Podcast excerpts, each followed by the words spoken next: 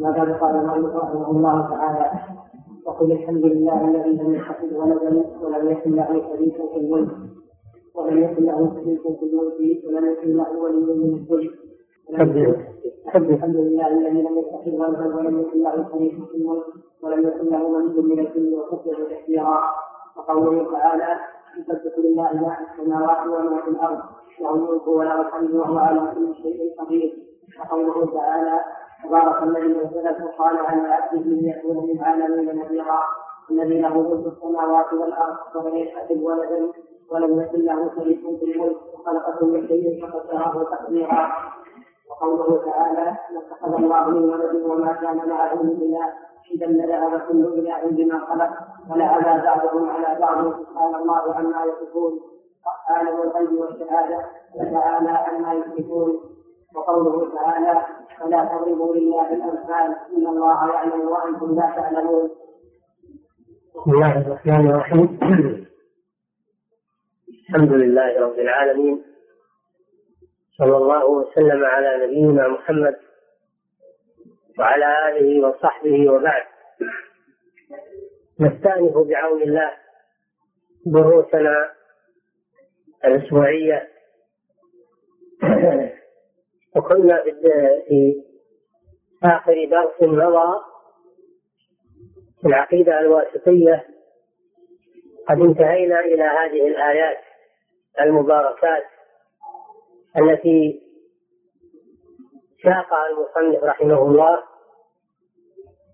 في نفي الشريك عن الله عز وجل وتنزيه الله عز وجل عن النقائص والعيوب. قوله تعالى وقل الحمد لله الذي لم يتخذ ولدا ولم يكن له شريك في الملك ولم يكن له ولي من الذل وكبره تكبيرا. هذه الآية هي آخر سورة الإسراء أو سورة بني إسرائيل. والخطاب للنبي صلى الله عليه وسلم. قل أي أيها النبي معلنا ذلك. الحمد لله الحمد هو الثناء هو الثناء ينعم سبحانه. والألف واللام فيه الاستغراق أي جميع المحامد لله عز وجل لا يستحقها غيره. الحمد كله لله عز وجل لأن النعم كلها من الله. فهو الذي يستحق الحمد كله الحمد المطلق. وغيره إنما يحمد على قدر ما يفعل من الخير. ولكن الحمد المطلق هو لله عز وجل لأنه هو المتفضل بجميع النعم. وما بكم من نعمة فمن الله. وما يجري على أيدي بعض الناس إنما هو من الله عز وجل. فمنتهى الحمد كله لله عز وجل. الذي لم يتخذ ولدا.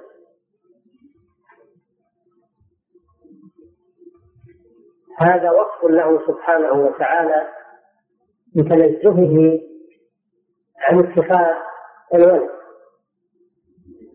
وفي هذا رد على النصارى واليهود وعلى المشركين. النصارى قالوا المسيح ابن الله. واليهود قالوا عزير ابن الله. والمشركون قالوا الملائكة بنات الله. فنسبوا لله الولد. وهو سبحانه وتعالى منزه عن ذلك لأن الولد شريك للوالد. الولد شريك للوالد. والله جل وعلا ليس له شريك. والولد أيضا بعض من الوالد.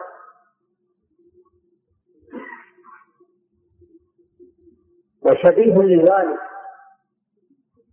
الولد شبيه للوالد والله جل وعلا لا شبيه له.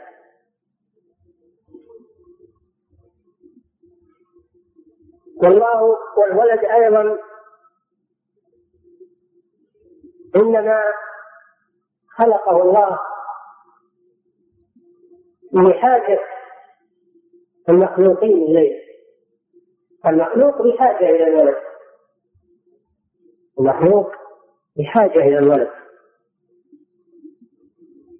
والله جل وعلا غني عن خلقه ليس بحاجة إلى شيء. فنسبة الولد إليه جل وعلا باطلة من كل الوجوه لا من ناحية الشركة ولا من ناحية المشابهة. والجزئية قال تعالى وجعلوا له من عباده جزءا يعني ولدا ولا من ناحية الحاجة. الله غني ليس بحاجة إلى الأولاد. فالولد منتف عنه من كل الوجوه. ومن نسب إليه الولد فقد كفر بالله عز وجل. وتنقص الرب سبحانه وتعالى وجعل له ندا وشبيها وشريكا من خلقه. تعالى الله عن ذلك. ولم يكن له شريك في البيت متى عنه الشركة أيضا؟ رد وفي هذا رد على الذين جعلوا لله شريكا في الملك كالثانوية من المجوس الذين يقولون إن الكون له خالقان خالق للخير وخالق للشر النور عندهم خلق الخير والظلمة عندهم خلقت الشر. فهم جعلوا الكون مشتركا بين خالقين تعالى الله عن ذلك. وهو المنفرد بالخلق سبحانه وتعالى. لا خالق غيره. ولا شريك له في ملكه له ملك السماوات والأرض ومن فيهن. ولا أحد يشاركه في ذلك. ولهذا تحدى الله المشركين الذين عبدوا معه غيره أن يبينوا ما لهؤلاء المعبودين من شركة في الأرض أو شركة في السماء. ورأيتم ما تدعون من دون الله. أروني ماذا خلقوا من الأرض؟ أم لهم شرك في السماوات؟ ائتوني بكتاب من قبل هذا أو أثارة من علم إن كنتم صادقين. فليس لهم شركة. لا في السماوات ولا في الأرض.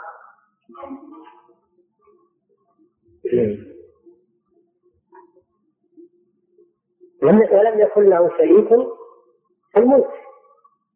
فهذه الأوثان وهذه المعبودات من دون الله عز وجل باختلاف أنواعها ليس لها شركة في ملكوت الله عز وجل ولا في خلق الله عز وجل ولا أحد منهم يدعي ذلك.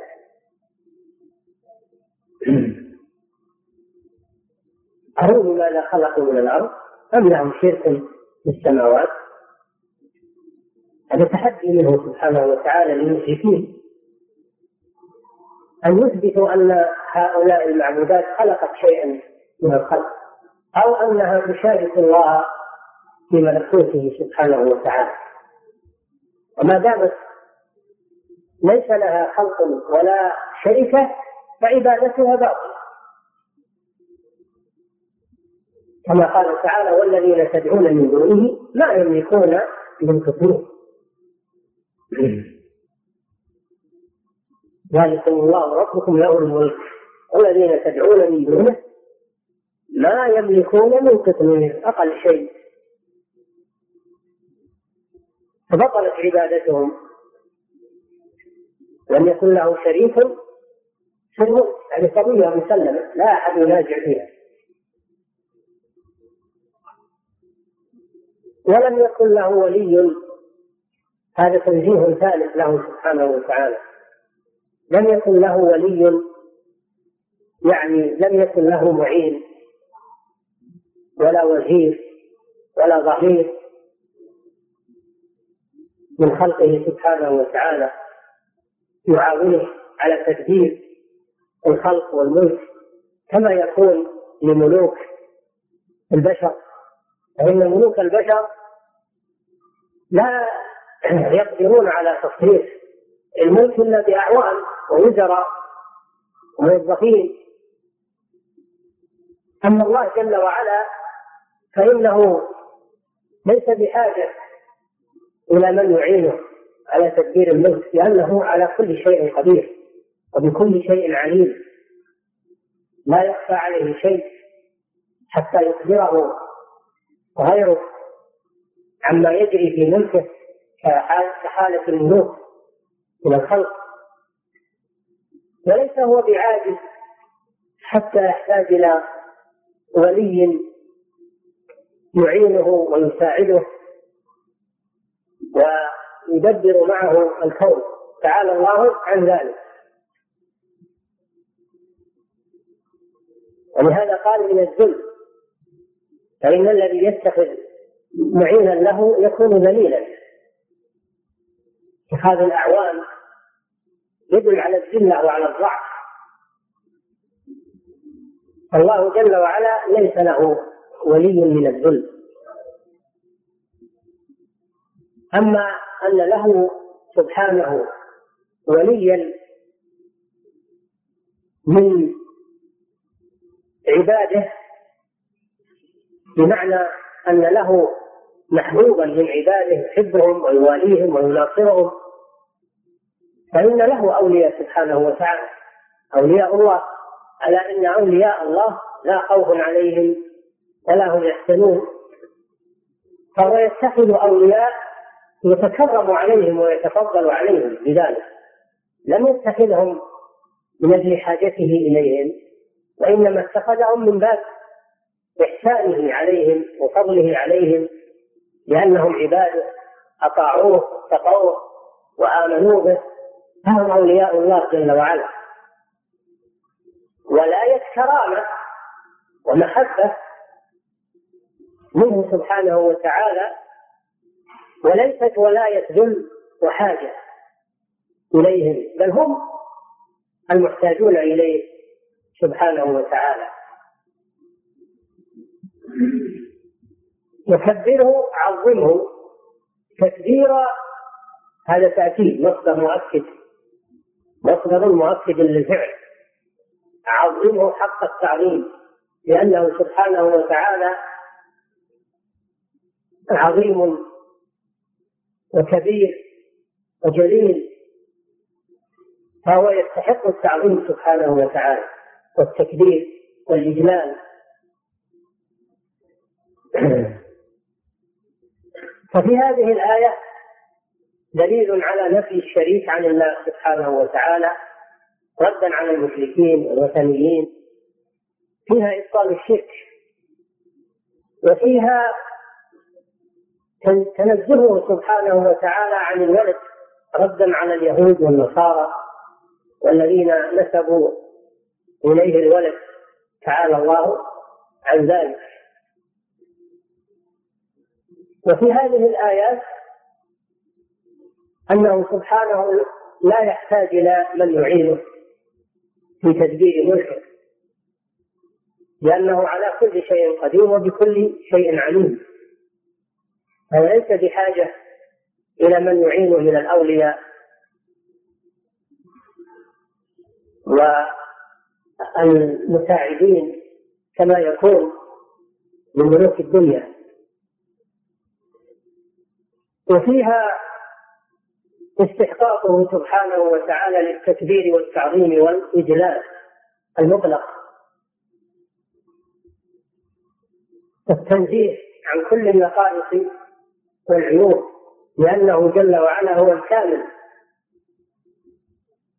من كل وجه كامل في ذاته كامل في أسمائه وصفاته كامل في أفعاله كامل من كل وجه سبحانه وتعالى. لا يتطرق إليه نقص أو عيب.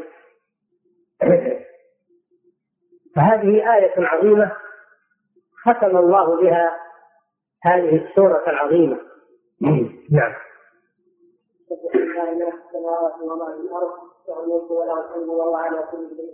يسبح لله ما في السماوات وما في الأرض له الملك وله الحمد وهو على كل شيء قدير. يسبح ينزه تسبيح معناه التنزيه عن النقائص والعلوم وقد فتح الله عددا من السور لسبح يسبح سبح. كله مأخوذ من التنزيه والتقديس له سبحانه وتعالى. يسبح لله ما في السماوات وما في الأرض من المخلوقات. جميع المخلوقات تسبحه بل تسبحه السماوات والأرض ومن فيهن وإن من شيء إلا يسبح بحمده. ولكن لا تسخرون تسبيحه. إنه كان حليما غفورا. فجميع المخلوقات تسبح الله عز وجل. سواء كانت جامدة كالجبال والصخور و طبقات الأرض أو كانت حية. كالآدميين والبهائم الحشرات والسباع والطيور كل شيء يسبح بحمده بمعنى أنه ينزه الله سبحانه وتعالى عما لا يليق به. وهو تسبيح حقيقي بعض العلماء أو بعض الذين يقولون بالمجاز يقولون هذه تسبح الله بلسان الحال لا بلسان المقام لأنها عندهم لا تنطق. حتى نسبة التسبيح إليها يقولون مجاز. هذا كلام باطل. بل هي تسبح الله بلسان المقام تسبيحا حقيقيا يعلمه سبحانه وتعالى. وليس تسبيحا بلسان الحال كما يقولون بل هو تسبيح حقيقي. وقد سبح الحق بكف الرسول صلى الله عليه وسلم حتى سمع الناس كلامه. فالجمادات تسبح الله عز وجل بلغة لا نفهمها كذلك الطيور. ألم ترى أن الله يسبح له من في السماوات والأرض والطير خاصات كل قد علم صلاته وتسبيحه. علم الله جل وعلا صلاته وتسبيحه. وإن كنا نحن لا ندري عن ذلك. وكل شيء يسبح بحمد ربه. وكل المخلوقات ناطقها وخامسها تحركها وجمالها حيها ومواتها كلها تسبح الله عز وجل. تنطق بتسبيحه وتنزيهه عن العلوم والنقائص. وفي هذا رد على اليهود وعلى من حذا حذوهم في تنقص الله عز وجل وعدم تنزيهه. تعالى الله عما يقولون بنسبة الشريك إليه نسبة الولد إليه. وغير ذلك. مما نسبوه إلى الله جل وعلا. والله منزه عنه. ما في السماوات وما في الأرض. فما تعم العقلاء وغير العقلاء. كل شيء يسبح بحمد ربه عز وجل. البحار والأشجار والأنهار والجبال والطيور والسباع والحشرات كل شيء. بلسانه الخاص به. وإن كنا نحن لا نفهم هذا وإنما يعلمه الله سبحانه وتعالى. ما في السماوات وما في الأرض له الملك له الملك جميع الملك له سبحانه وتعالى. فهو مالك الملك المالك المطلق الذي ليس له شريك في ملكه سبحانه وتعالى. وأملاك العباد التي بأيديهم هي ملك لله. وإنما الله جل وعلا أباح لهم الانتفاع بها. الأموال والدور والسكاكين والحيوانات وإن كانت أملاكا للناس ولا ولا ولكنها في الحقيقة هي ملك لله جل وعلا. المالك الحقيقي هو الله. وأما ملك العباد فهو ملك معارض من الله عز وجل مؤقت ثم تؤول إليه الأملاك بعد فناء الولاة وهو الذي يرث الأرض ومن عليها وهو خير الوارثين. فالملك يرجع إليه سبحانه وتعالى له الملك. على عموم. لا شريك له في ملكه وله الحمد. يعني كما سبق. أن الحمد كله لله عز وجل لأن النعم كلها من الله سبحانه وتعالى فله الحمد كله وأن للاستغراق استغراق جميع المحامد كلها له سبحانه وتعالى. وهو على كل شيء قدير. في هذا عموم قدرته سبحانه وتعالى كل شيء. فلا يعجزه شيء. إنما أمره إذا أراد شيئا ان يقول له كن فيكون لا يتخلف. إذا أمر الله بإيجاد شيء وجد. ما شاء كان وما لم يشاء لم يكن. فهو على كل شيء قدير. في هذا عموم قدرته سبحانه وتعالى على كل شيء. أما غيره من الخلق مهما بلغ فإن قدرته محدودة. قدرة المخلوقين محدودة. أما قدرة الله جل وعلا فإنها مطلقة. هو القادر على كل شيء. وهو على كل شيء قدير. ففي هذه الآية تنزيه الله سبحانه وتعالى عما لا يليق به. وفيها أن جميع المخلوقات تسبحه سبحانه وتعالى وتنزهه تسبيحا حقيقيا بلسانها. وإن كنا لا نفقه ذلك فليس هذا دليلا على عدم وجوده. وفيها عموم ملكه سبحانه وتعالى واستحقاق وفيها استحقاقه للحمد كله لأنه هو المنعم بكل النعم وفيها عموم قدرته على كل شيء وأنه سبحانه لا يعجزه شيء في السماوات ولا في الأرض وما كان الله ليعجزه من شيء في السماوات ولا في الأرض إنه كان عليما قديرا. العادة أن الإنسان يعجز لأمرين إما لعدم علمه بالشيء وإما لعدم قدرته. قد يكون الإنسان عالم ولكنه غير قادر. وقد يكون قادرا لكنه غير عالم. الله جل وعلا اجتمع في حقه الوصفان عليم قدير فلا يعجزه شيء سبحانه وتعالى. إنه كان عليما قديرا. وفي هذا أنه يجب ان نطلق ما أطلقه الله من عموم قدرته. فنقول وهو على كل شيء قدير. ولا نقول كما يقول بعض المعتزلة أو بعض الجهال إنه على ما يشاء قدير.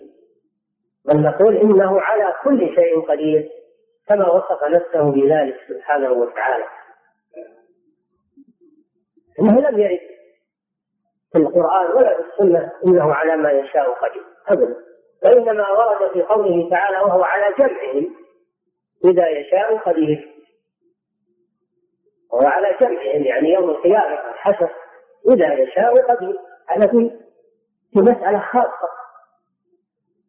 أما عموم قدرته سبحانه فانهم مطلقة في كل شيء وعلى كل شيء. فنحن نصفه بما وصف به نفسه. نقول وهو على كل شيء قدير. إن الله على كل شيء قدير. إن الله كان على كل شيء قديرا. نعم. تبارك الذي نزل الفرقان على عبده ليكون للعالمين نذيرا تبارك الذي نزل الفرقان على عبده ليكون للعالمين نذيرا. الذي له ملك السماوات والأرض. ولم يتخذ نعم.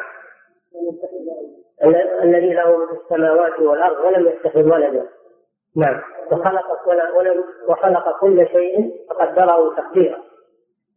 تبارك هذا أول سورة الفرقان وقد فتح الله سورة الملك أيضا بقوله سبحانه تبارك الذي بيده الملك وهو على كل شيء قدير. وجاء هذا اللفظ تبارك في كثير من الآيات. تبارك اسم ربك ذو الجلال والإكرام. تبارك الله أحسن الخالقين. تبارك الذي جعل في السماء بروجا وجعل فيها سراجا وقمرا منيرا. تبارك الذي إن شاء جعل لك خيرا من ذلك. جنات تجري من تحتها الأنهار ويجعل لك قصورا. فهي لفظة تكررت في كلام الله عز وجل في فواتح بعض السور وفي أثناء السور. ومعنى تبارك تبارك تعاظم سبحانه وتعالى. والبركة كثرة الخير ونماؤه. البركة كثرة الخير ونماؤه وثبوته. ثبوت ذلك. فهو سبحانه وتعالى تبارك بمعنى أن البركة تنال بذكره وتعالى وأيضا تبارك بمعنى تعاظم قدره تعاظم قدره وجل شأنه وثبت كماله وبركته فأسماؤه مباركة وكتابه مبارك ونبيه مبارك وكل شيء منه سبحانه وتعالى فهو مبارك بمعنى أنه كثير البركة كثير الخير ثابت البركة. فهذه اللفظة لا تطلق إلا على الله جل وعلا. تبارك هذه اللفظة لا تطلق إلا على الله. فلا يقال لأحد من الخلق تبارك فلان. أو فلان أو فلان تبارك علينا. هذا لا يجوز. هذه اللفظة خاصة به سبحانه وتعالى. أما غيره فيقال مبارك. من بارك بارك يبارك. فهو مبارك. ويقال لغيره إنه مبارك. قال عيسى عليه السلام وجعلني مباركا أينما كنت. ووصف كتابه بأنه مبارك وهذا كتاب أنزلناه إليك مبارك. وهو كلامه سبحانه وتعالى. فبارك يبارك لا بأس أن تقول بارك لنا في هذا الشيء أي ادعو لنا بالبركة. أو بارك لنا فلان في هذا الشيء يعني دعا لنا بالبركة. وقد كانوا يأتون إلى النبي صلى الله عليه وسلم بالصبيان حين يولدون يدعو لهم ويبرك يبرك عليهم يعني يدعو لهم بالبركة. فتقول برك له أو بارك له بمعنى ادع له بالبركة. أما تبارك فهذه لا تكون إلا لله عز وجل. ففي فرق بين بارك وتبارك. بارك لا بأس أن تطلق على المخلوق. وأما تبارك فإنها لا تطلق إلا على الله سبحانه وتعالى. تبارك الذي نزل الفرقان على عبده. نزل. هذا فيه إثبات العلو لله سبحانه وتعالى. لأن الإنزال لا يكون إلا من العلو. وفيها أن القرآن كلام الله ليس مخلوقا. بل هو منزل من الله جل وعلا. ليس مخلوقا بل هو كلام الله منزل. منزل غير مخلوق. والفرقان هو القرآن. سماه الله فرقانا لأنه فرق بين الحق والباطل. القرآن له عدة أسماء. والشيء إذا كثرت أسماؤه دل على عظمته. يسمى قرآنا ويسمى فرقانا ويسمى آه وفي فرق بين بارك وتبارك بارك لا بأس أن تطلق على المخلوق. وأما تبارك فإنها لا تطلق إلا على الله سبحانه وتعالى. تبارك الذي نزل الفرقان على عبده. نزل. هذا فيه إثبات العلو لله سبحانه وتعالى. لأن الإنسان لا يكون إلا من العلو. وفيها أن القرآن كلام الله ليس مخلوقا. بل هو منزل من الله جل وعلا. ليس مخلوقا.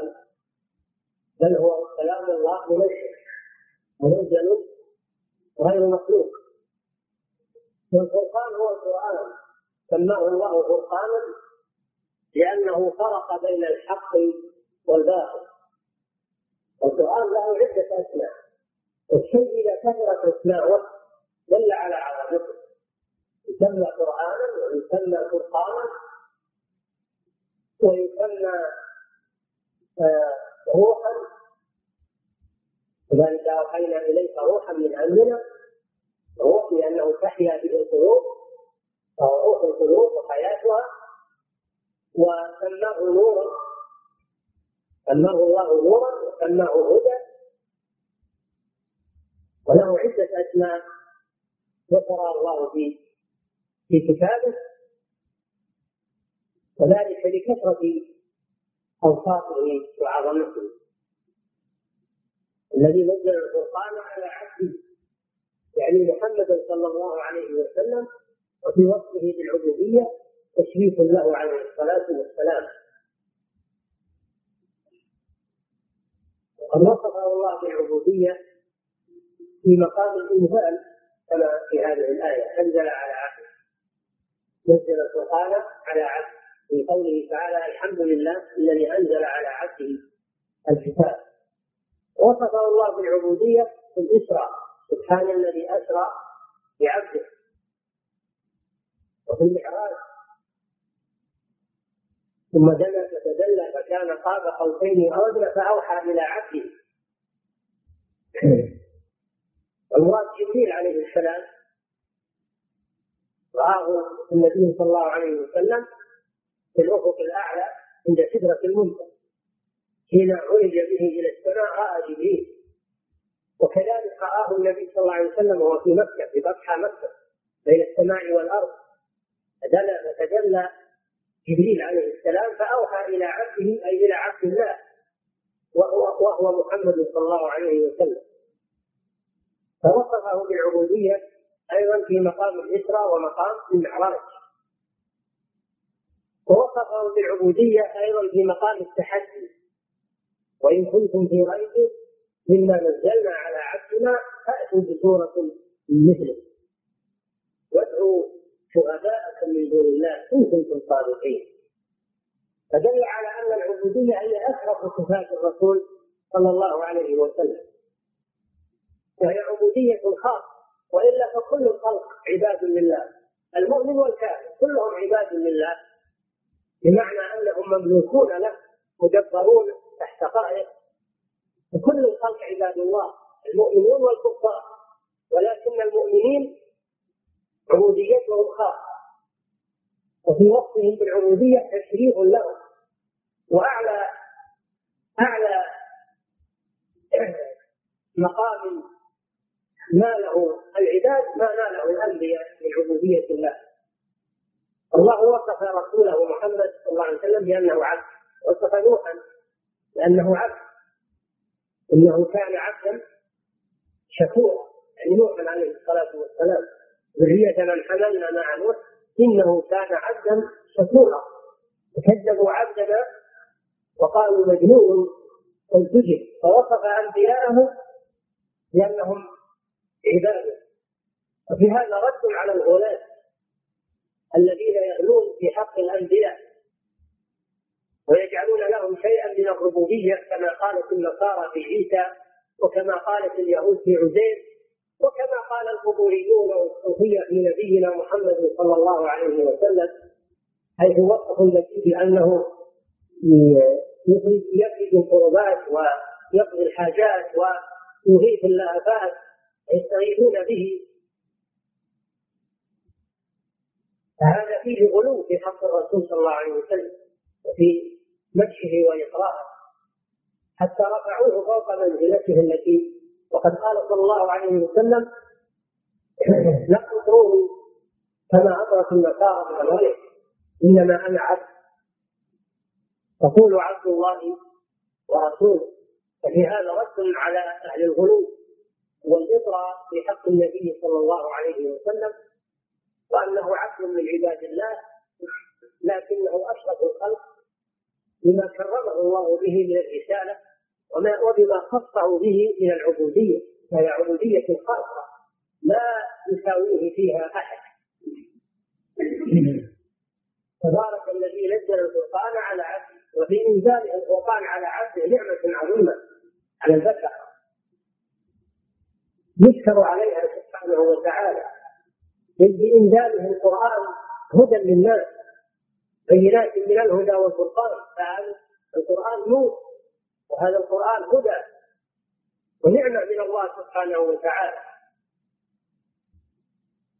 ليكون للعالمين نذيرا. هذا تعليم. لماذا أنزل الله القران على عبده؟ ليكون للعالمين نذيرا. ففي هذا إثبات عموم رسالته صلى الله عليه وسلم وأنها عالمية. جميع العالم الجن والانس الرسول صلى الله عليه وسلم مرسل إلى جميع العالم من الجن والإنس وهذا من خصائصه صلى الله عليه وسلم. فإن غيره من الأنبياء إنما يبعثون إلى أقوامهم خاصة. أما هذا الرسول صلى الله عليه وسلم فبعثته عامة في الثقلين الجن والإنس. ولهذا قال للعالمين لم يقل للعرب ولا لقومه وإنما قال للعالمين والعالمين جمع عالم. والمراد بهم الجن والإنس. ورسالة النبي صلى الله عليه وسلم عامة لهم. قل يا أيها الناس إني رسول الله إليكم جميعا. وما أرسلناك إلا كافة للناس. بشيرا ونذيرا. فمن جحد عموم رسالته فهو كافر. لو اعترف أحد برسالته ولكن لم يعترف بشمولها وعمومها فإنه كافر بالله عز وجل. لا بد من الاعتراف بعموم رسالته صلى الله عليه وسلم. ولهذا قال للعالمين للعالمين نذيرا. والنذارة هي الإخبار عن شيء مخوف. النذارة هي الإخبار عن شيء مخوف. وأما البشارة فهي الإخبار عن شيء عن شيء سار عن شيء سار هذا في الغالب. قد يستعمل البشارة في الشيء المحذوف كما قال تعالى فبشرهم بعذاب أليم.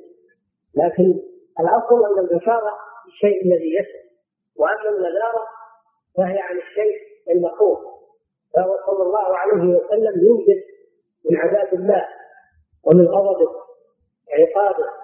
ينذر من النار بعثه الله بشيرا لأهل الإيمان ونذيرا لأهل الكفر. بشيرا لأهل الإيمان بالجنة ونذيرا لأهل الكفر بالنار حتى يتوبوا إلى الله عز وجل. ليكون للعالمين نذيرا. الذي له ملك السماوات والأرض. ولم يتخذ ولدا. ولم يكن له شريك في الملك. هذا سبق تفسيره. وخلق كل شيء فقدره تقديرا. هذا فيه إثبات عموم الخلق لله عز وجل وأن الله خالق كل شيء ويدخل فيه أفعال العباد. فأفعال العباد خلق لله جل وعلا والله خلقكم وما تعملون. وهي فعل للعباد أيضا يثابون عليها أو يعاقبون عليها. يثابون عليها إن كانت خيرا ويعاقبون عليها ان كانت شرا فهي فعلهم باختيارهم وإرادتهم ومشيئتهم وهي خلق الله سبحانه وتعالى. الله خالق كل شيء وخلق كل شيء. لا يخرج شيء عن خلق الله عز وجل. في هذا رد على القدرية. رد على القدرية الذين أخرجوا أفعال العباد من خلق الله عز وجل. خلق كل شيء فقدره تقديرا. كل شيء إن الله سبحانه وتعالى خلقه بقدر كما قال تعالى كنا كل شيء خلقناه بقدر وكل شيء بقضاء الله وقدره سبحانه وتعالى وأيضا هو مقدر بمقادير وموازين لا يزيد ولا ينقص حسب ما قدره الله سبحانه وتعالى ففي هذا إثبات القدر. وأن كل شيء فهو بقدر بقدر الله وإثبات عموم الخلق وأن كل شيء فإنه خلق الله سبحانه وتعالى. لم يشاركه فيه أحد في الخلق. في هذه الآية مثل سابقتها فيها إثبات البركة لله عز وجل تبارك وأن هذه اللفظة خاصة به لا تطلق على غيره وفيها إثبات أن القرآن منزل غير مخلوق رد على الجاهلية. وفيها إثبات عموم رسالته صلى الله عليه وسلم للعالمين. وفيها تنزيه الله عن الشريك وعن الولد. وفيها إثبات القضاء والقدر. وعموم الخلق له سبحانه وتعالى. نعم. الله عليه ولد وما كان معه من اله إذا فجعل كل اله بما خلق. ولعن بعضهم على بعض. قال الله عما يصفون كانوا وقلبي والشهادة فتعالى عما يصفون ما اتخذ الله من ولد هذا مثل ما سبق. فيه رد على اليهود والنصارى ومشرك العرب الذين الذين نسبوا الولد إلى الله. تعالى الله عن ذلك. فاتخذ الله من ولد.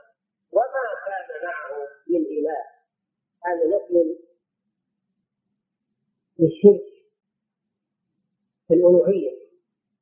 ما كان معه من إله. بل هو سبحانه وتعالى هو الرب المعبود وحده لا شريك له. يعني هو المستحق للعبادة. هو الرب المستحق للعبادة وحده لا شريك له. هذا معنى الإله. الإله إذا أطلق يدخل في الرب كما أن الرب إذا أطلق يدخل في الإله. أما إذا ذكر جميعا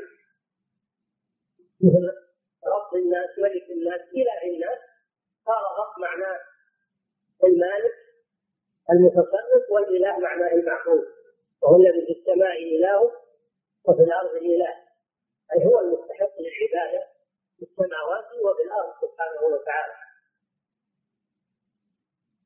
وما كان معه من إله يتصرف معه في الكون أو يستحق شيء من العبادة.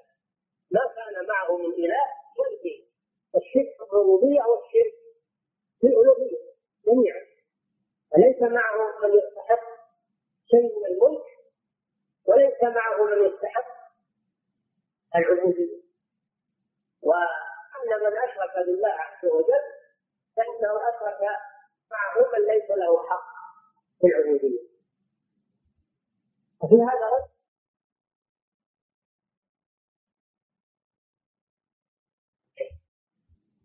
والشريك في الألوهية جاء بالقرآن القاطع إذا لذهب كل إله بما خلق. ولعلى بعضهم على بعض. لأنه لو كان للكون لو كان في الكون لو كان في الكون ربان وإلهان فإنه لا يخلو الأمر من أحد حالتين. لأنه لا يمكن لا يمكن للأرباب أن يتفقوا أبدا. لا بد يكون كل واحد له تدبير كل واحد له له أمر يحصل النزاع بينهم يحصل النزاع بينهم. فلا يصلح الكون بربين وإلهين أبدا. لأنه لو كان هناك في الكون للكون ربان وللكون إلهان فإما أن يتغلب بعضهم على بعض. يسيطر القول منهم على من دونه وينفرد بالملك. ينفرد بالملك وهذا لم يحصل. هذا لم يحصل أن الله ما جعله أحد في ملكه سبحانه وتعالى.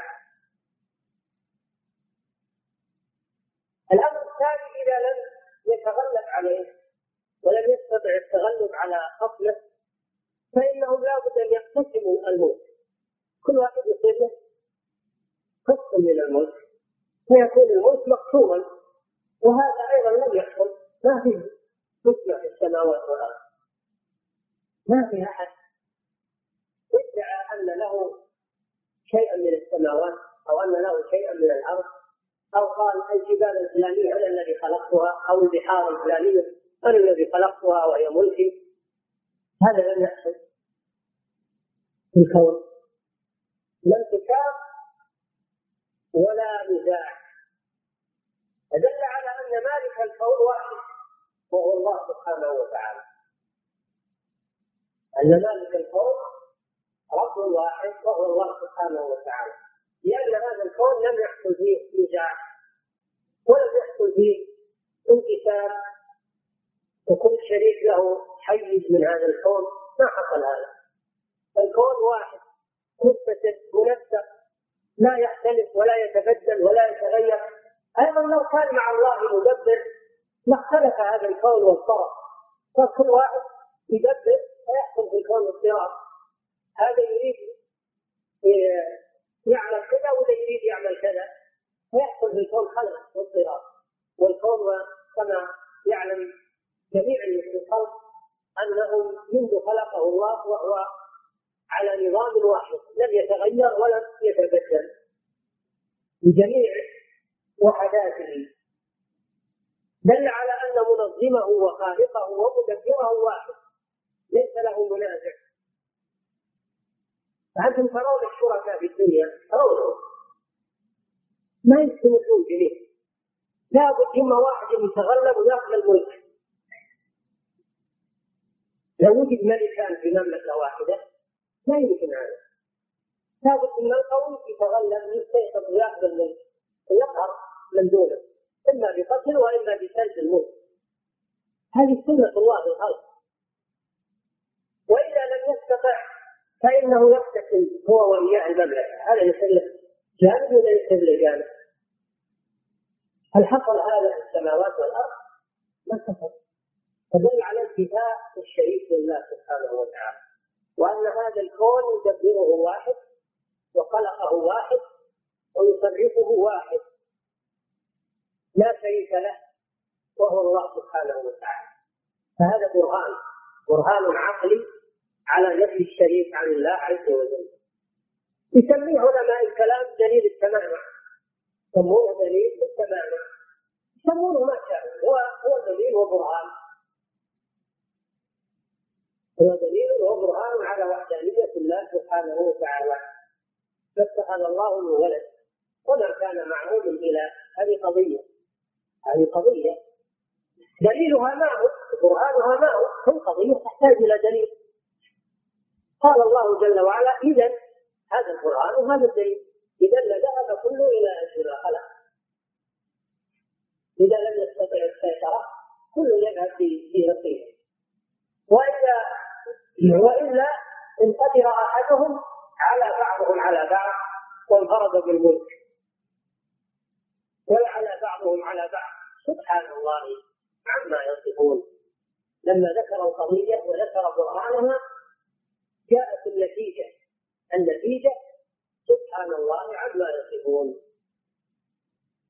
فتبين أن الله منزه عما وصفوه به من اتخاذ الشريك واتخاذ الولد. اتخذ الله من ولد وما كان معه من ولد. وهذه هي النتيجة سبحان الله عما يصفون من اتخاذ الشريك واتخاذ الولد. عالم الغيب والشهادة. هذا وصف له سبحانه وتعالى. عالم الغيب هو ما غاب عن الناس. والشهادة ما يشاهدونه. الله جل وعلا يستوي في حقه الغيب والشهادة. فنحن ما نعلم إلا الذي نشاهده. أليس كذلك؟ الخلق لا يعلمون إلا الشيء الذي يشاهدونه بأعينهم أما الشيء الغائب عنهم فإنهم لا يعلمونه. أما الله جل وعلا فإنه يستوي في علمه الغيب والشهادة. عالم الغيب والشهادة. فتعالى تنزه سبحانه وتعالى وتقدس عما يشركون. مما نسبوه إلى الله من الولد والشريك له بالملك هو منزه عن ذلك سبحانه وتعالى. وفي هذه الآيتين هاتين الآيتين نفي الشريك والولد عن الله وإقامة البرهان العقلي القاطع على ذلك. وفيها إثبات عموم علمه سبحانه وتعالى بكل شيء مما يشاهده الناس ومما غاب عنهم. فهو علام الغيوب سبحانه وتعالى. أما المخلوق فإن علمه محدود بما يشاهده فقط أو بما يخبره عنه غيره. أما الله جل وعلا فإنه علام الغيوب. عالم الغيب والشهادة فتعالى عما يشركون. وهذا إبطال الشرك وأن الله منزه عنه سبحانه وتعالى. نعم.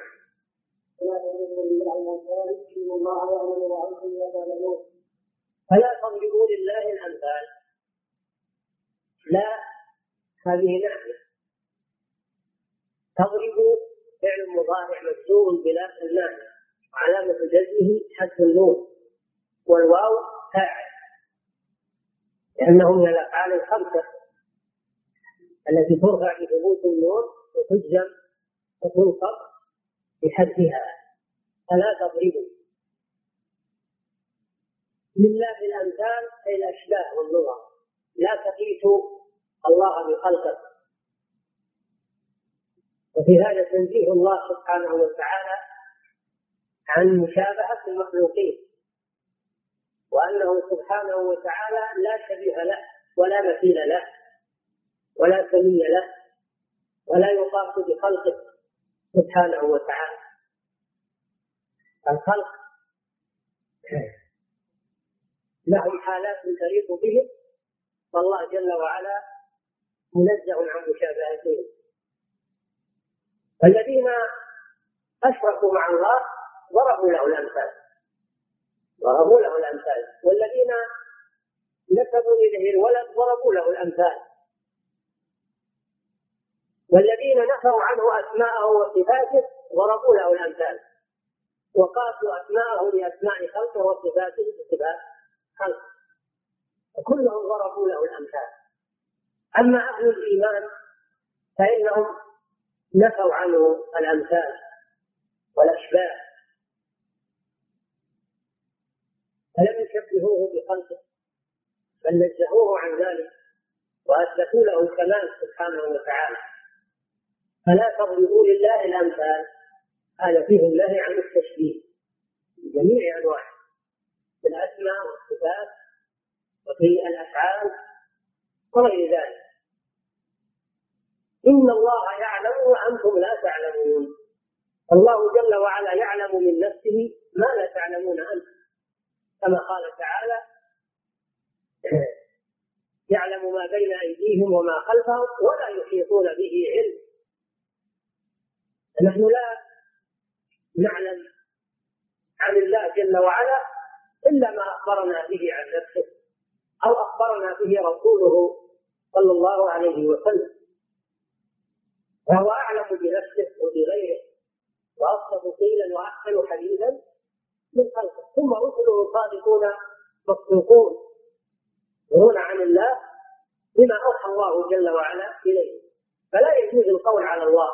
لا في أسمائه ولا في صفاته ولا في عبادته ولا في أحكامه بأنه أحل كذا أو حرم كذا إلا بدليل من كتاب الله وسنة رسوله صلى الله عليه وسلم. لأن علمنا قاصر عن إدراك كل الله عز وجل وقاصر عن الأشياء الغائبة عنا علمنا قاصر. محدود فيجب أن نقف عند حدنا. ولا نقول على الله ما لا نعلم. إن الله يعلم وأنتم لا تعلمون. فمن تكلم في حق الله في أسمائه وصفاته في عبادته في حلاله وحرامه وأحكامه من تكلم عن الله بغير علم فإنه أعظم من المشرك. لأن الله جل وعلا يقول قل إنما حرم ربي الفواحش ما ظهر منها وما بطن والإثم والبغي بغير الحق وأن تشركوا بالله ما لم ينزل به سلطانا وأن تقولوا على الله ما لا تعلمون فجعل القول على الله بلا علم فوق الشرك. والعياذ بالله.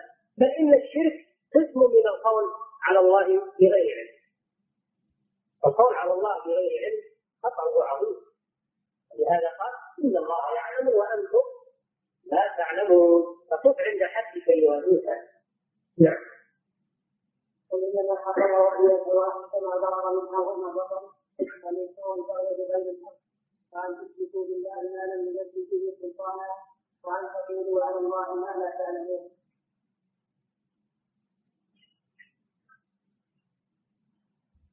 هذه الآية من سورة الأعراف. بعد السياق حالة المشركين في الطواف. أنهم كانوا يطوفون بالبيت عراة. يقولون لا نطوف في ثياب عصينا الله فيها. فكانوا يطوفون بالبيت عراة من باب الورع بزعمهم وأنهم لا يطوفون في ثياب عصوا الله فيها. حتى اللي تلتقون عالية ليس عليها إلا سيور يجعلها فوق عورته. لأن الشيطان أمرهم بذلك وزينه له. الله جل وعلا أنكر عليهم في اول سوره الأعراف كل لباس وكسر العورات. يا بني آدم قد أنزلنا عليكم لباس جوان سوآتكم وريشة ولباس التقوى. ذلك خير. ذلك من آيات الله لعلهم بني آدم لا يفتننكم الشيطان. كما أخرج ابويكم من الجنة ينزع عنهما لباسهما يريهما سواتهما إنه يراكم هو وقبيله من حيث لا ترونه. الا جعلنا الشياطين أولياء للذين لا يؤمنون. وإذا فعلوا فاحشة يعني كشف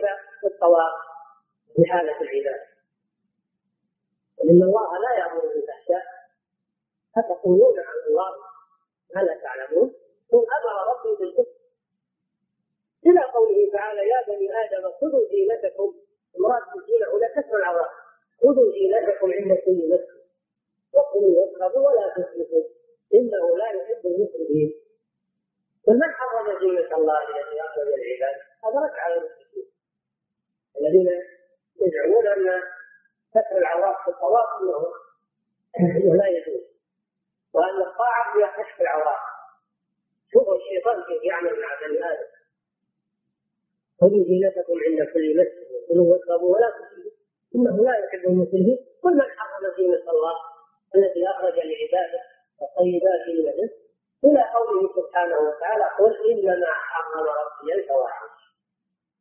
قل إنما حرم ربي الفواحش.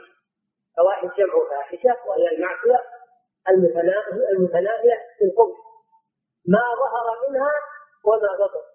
ما فعله الإنسان ظاهرا يراه الناس وما بطن مما يعمله الإنسان مختفيا عن الناس.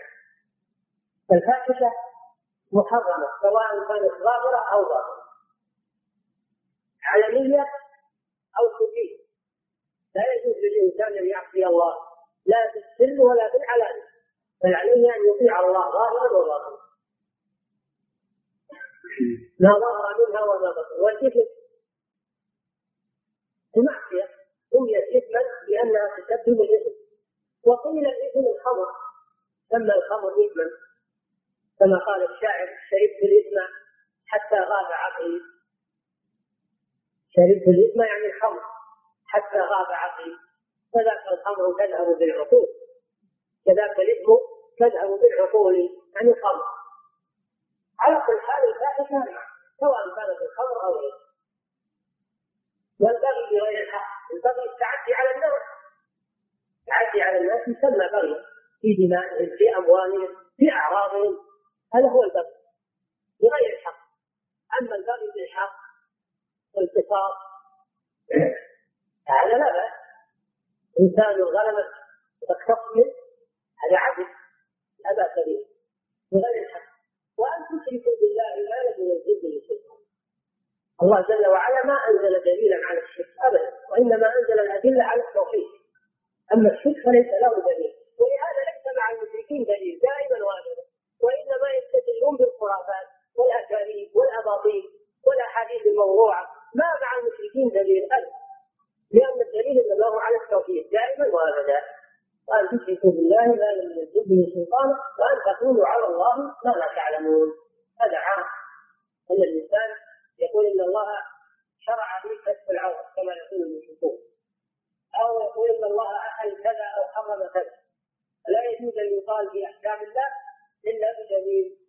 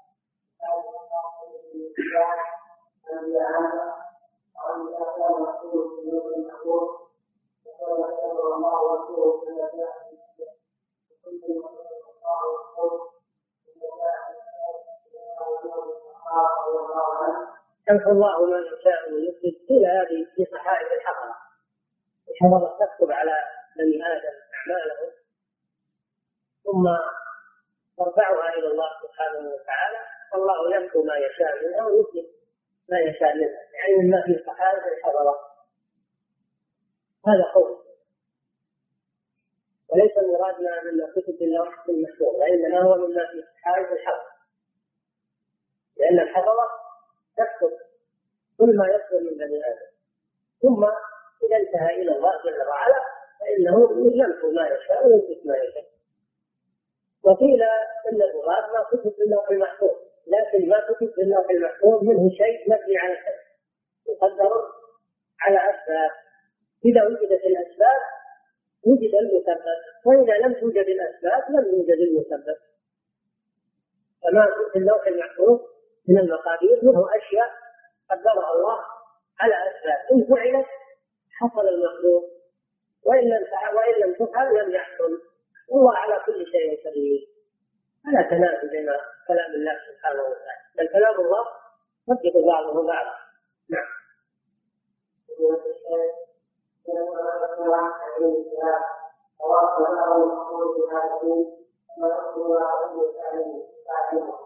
علم الكلام المراد به علم المنطق الذي هو المقدمات والنتائج المقدمات والأدلة والنتائج والسلف كانوا يحذرون من علم الكلام لماذا؟ لأنه يشغل عن كتاب الله وسنة رسوله صلى الله عليه وسلم الله لم يكلنا إلى علم الكلام ولا إلى قواعد المنطق وإنما أنزل إلينا كتابا وأرسل إلينا رسولا. وأمرنا بالاشتغال بالكتاب والسنة تعلما وتعليما وتدبرا وعلما وعملا. فلم يكلنا إلى قواعد المنطق لأنها تفصل عن كتاب الله عز وجل. ولأن هذا الوضع البشر وضع البشر كثيرا ما يخطي أكثر مما يخطي أما كتاب الله وسنة رسوله صلى الله عليه وسلم فهما معصومان إلى الخطأ فكيف نترك المعصوم ونذهب إلى شيء غير معصوم الخطأ هو أكثر من من صوابه. ولهذا لما اعتمد علماء الكلام على المنطق وبنوا عقيدتهم على قواعد المنطق ضلوا وأضلوا ولو تبعوا الكتاب والسنة لسلموا من هذا الضلال. هذا هذا وجه يكون السلف يحذرون من تعلم علم المنطق وعلم الكلام. اولا لأنه يسهل عن تعلم الكتاب والسنة وثانيا ان خطأه أكثر من صوابه لأنه وضع بشر وضع البشر وثالثا أن الله لم يكلنا إلى قواعد المنطق أو علم الكلام وإنما أمرنا باتباع كتابه برسوله صلى الله عليه وسلم. اتبعوا ما أنزل إليكم من ربكم. ولا تتبعوا من دونه أولياء. قليلا ما تذكرون هذا قول السلف حذروا من علم الكلام. ورابعا أن نتيجته ظهرت على اتباعه كثر فيهم الضلال والخطأ. بخلاف الذين تمسكوا بالكتاب والسنة فهم ولله الحمد على الصراط المستقيم. وأما تعلمه السلف يحذرون من تعلم. يحذرون من تعلم علم الموت. لكن بعض العلماء يقول لا بأس بتعمده لمن يقدر على ذلك من أجل الاطلاع فقط من أجل الاطلاع ولأجل أن يرد عليهم من كلامهم ويبين لهم خطأ هذه القواعد المنطقية. ينصر هذا فعل شيخ الإسلام ابن تيمية. الإسلام ابن تيمية درس هذا المنطق وتمعن فيه ورد عليه في كتاب سماه نقض المنطق ومقبول نقض المنطق وموجود بل إن كتابه الرد على الرازي الذي هو تأسيس التقليد أو نقل كلام الجهمية رد الشيخ اسمه نقل كلام الجهمية. والرازي في كتاب تأسيس التقليد بس رد الشيخ إما أن يقال نقل كتاب التأسيس والتقليد أو يقال نقل كلام الجهمية. فهو رد على هذا النوع من علم الكلام وعلم المنطق نعم.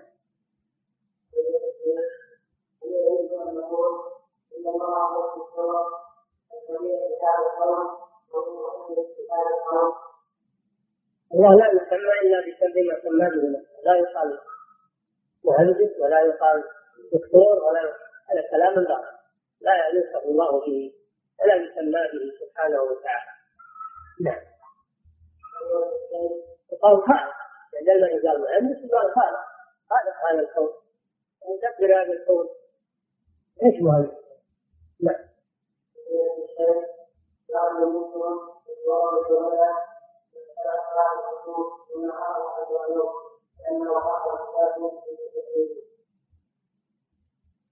إذا طلع الفجر دخل النهار. فلا يصلي الكسوف لأنه دخل النهار.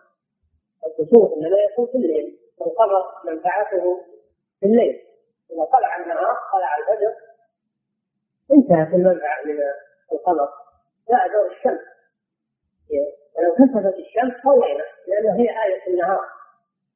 أما القمر فهو آية الليل. فإذا طلع الفجر انتهت صلاة الكسوف الذين صلوا بعد صلاة الفجر لو أنهم ما صلوا كان لكن لما اشتغلوا وصلوا نرجو الله لهم الأجر والنبوة لكن لو ما صلوا يكون أحسن. نعم.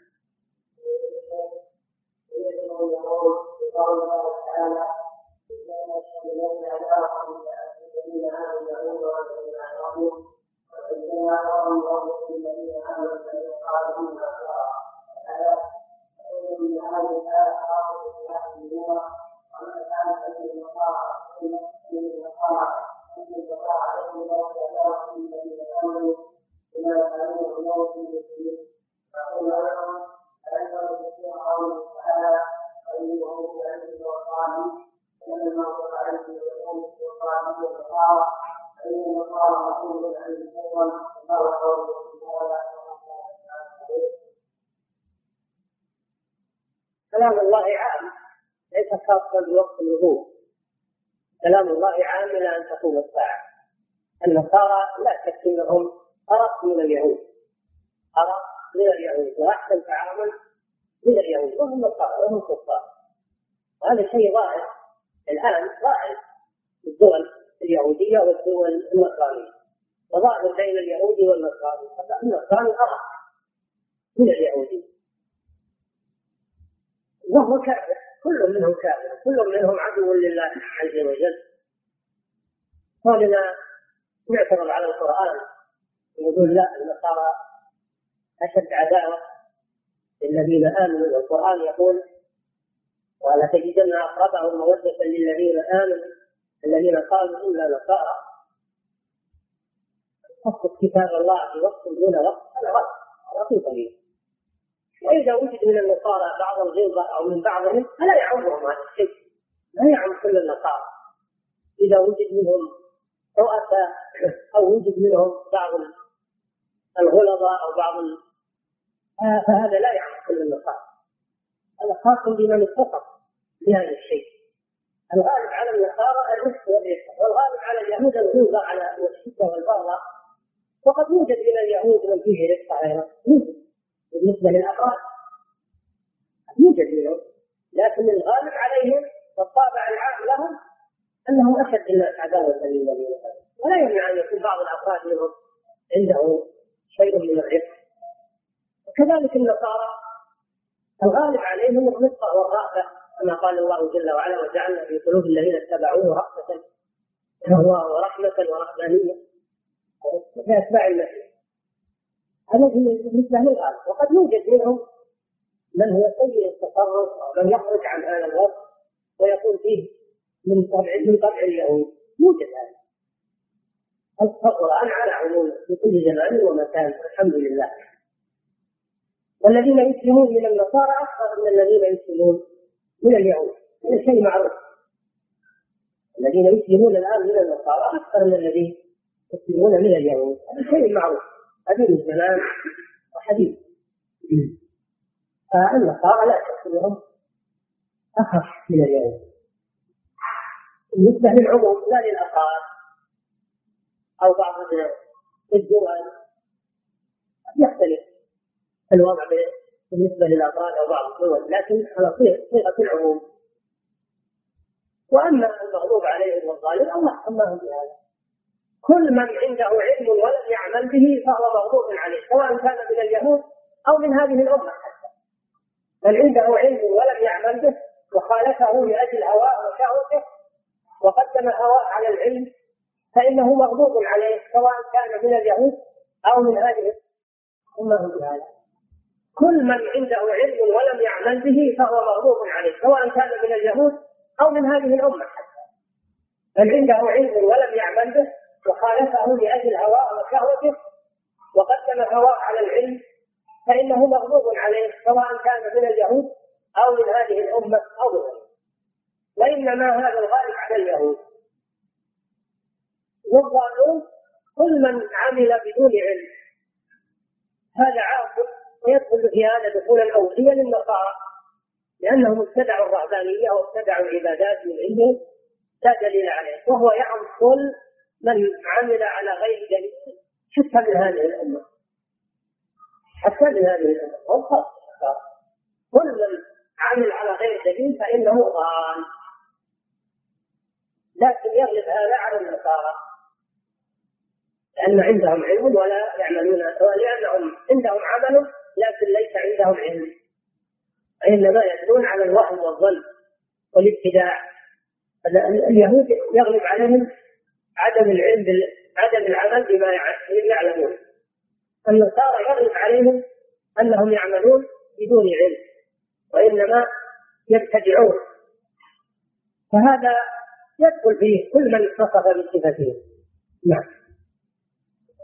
الله تعالى أعلم وصلى الله وسلم على نبينا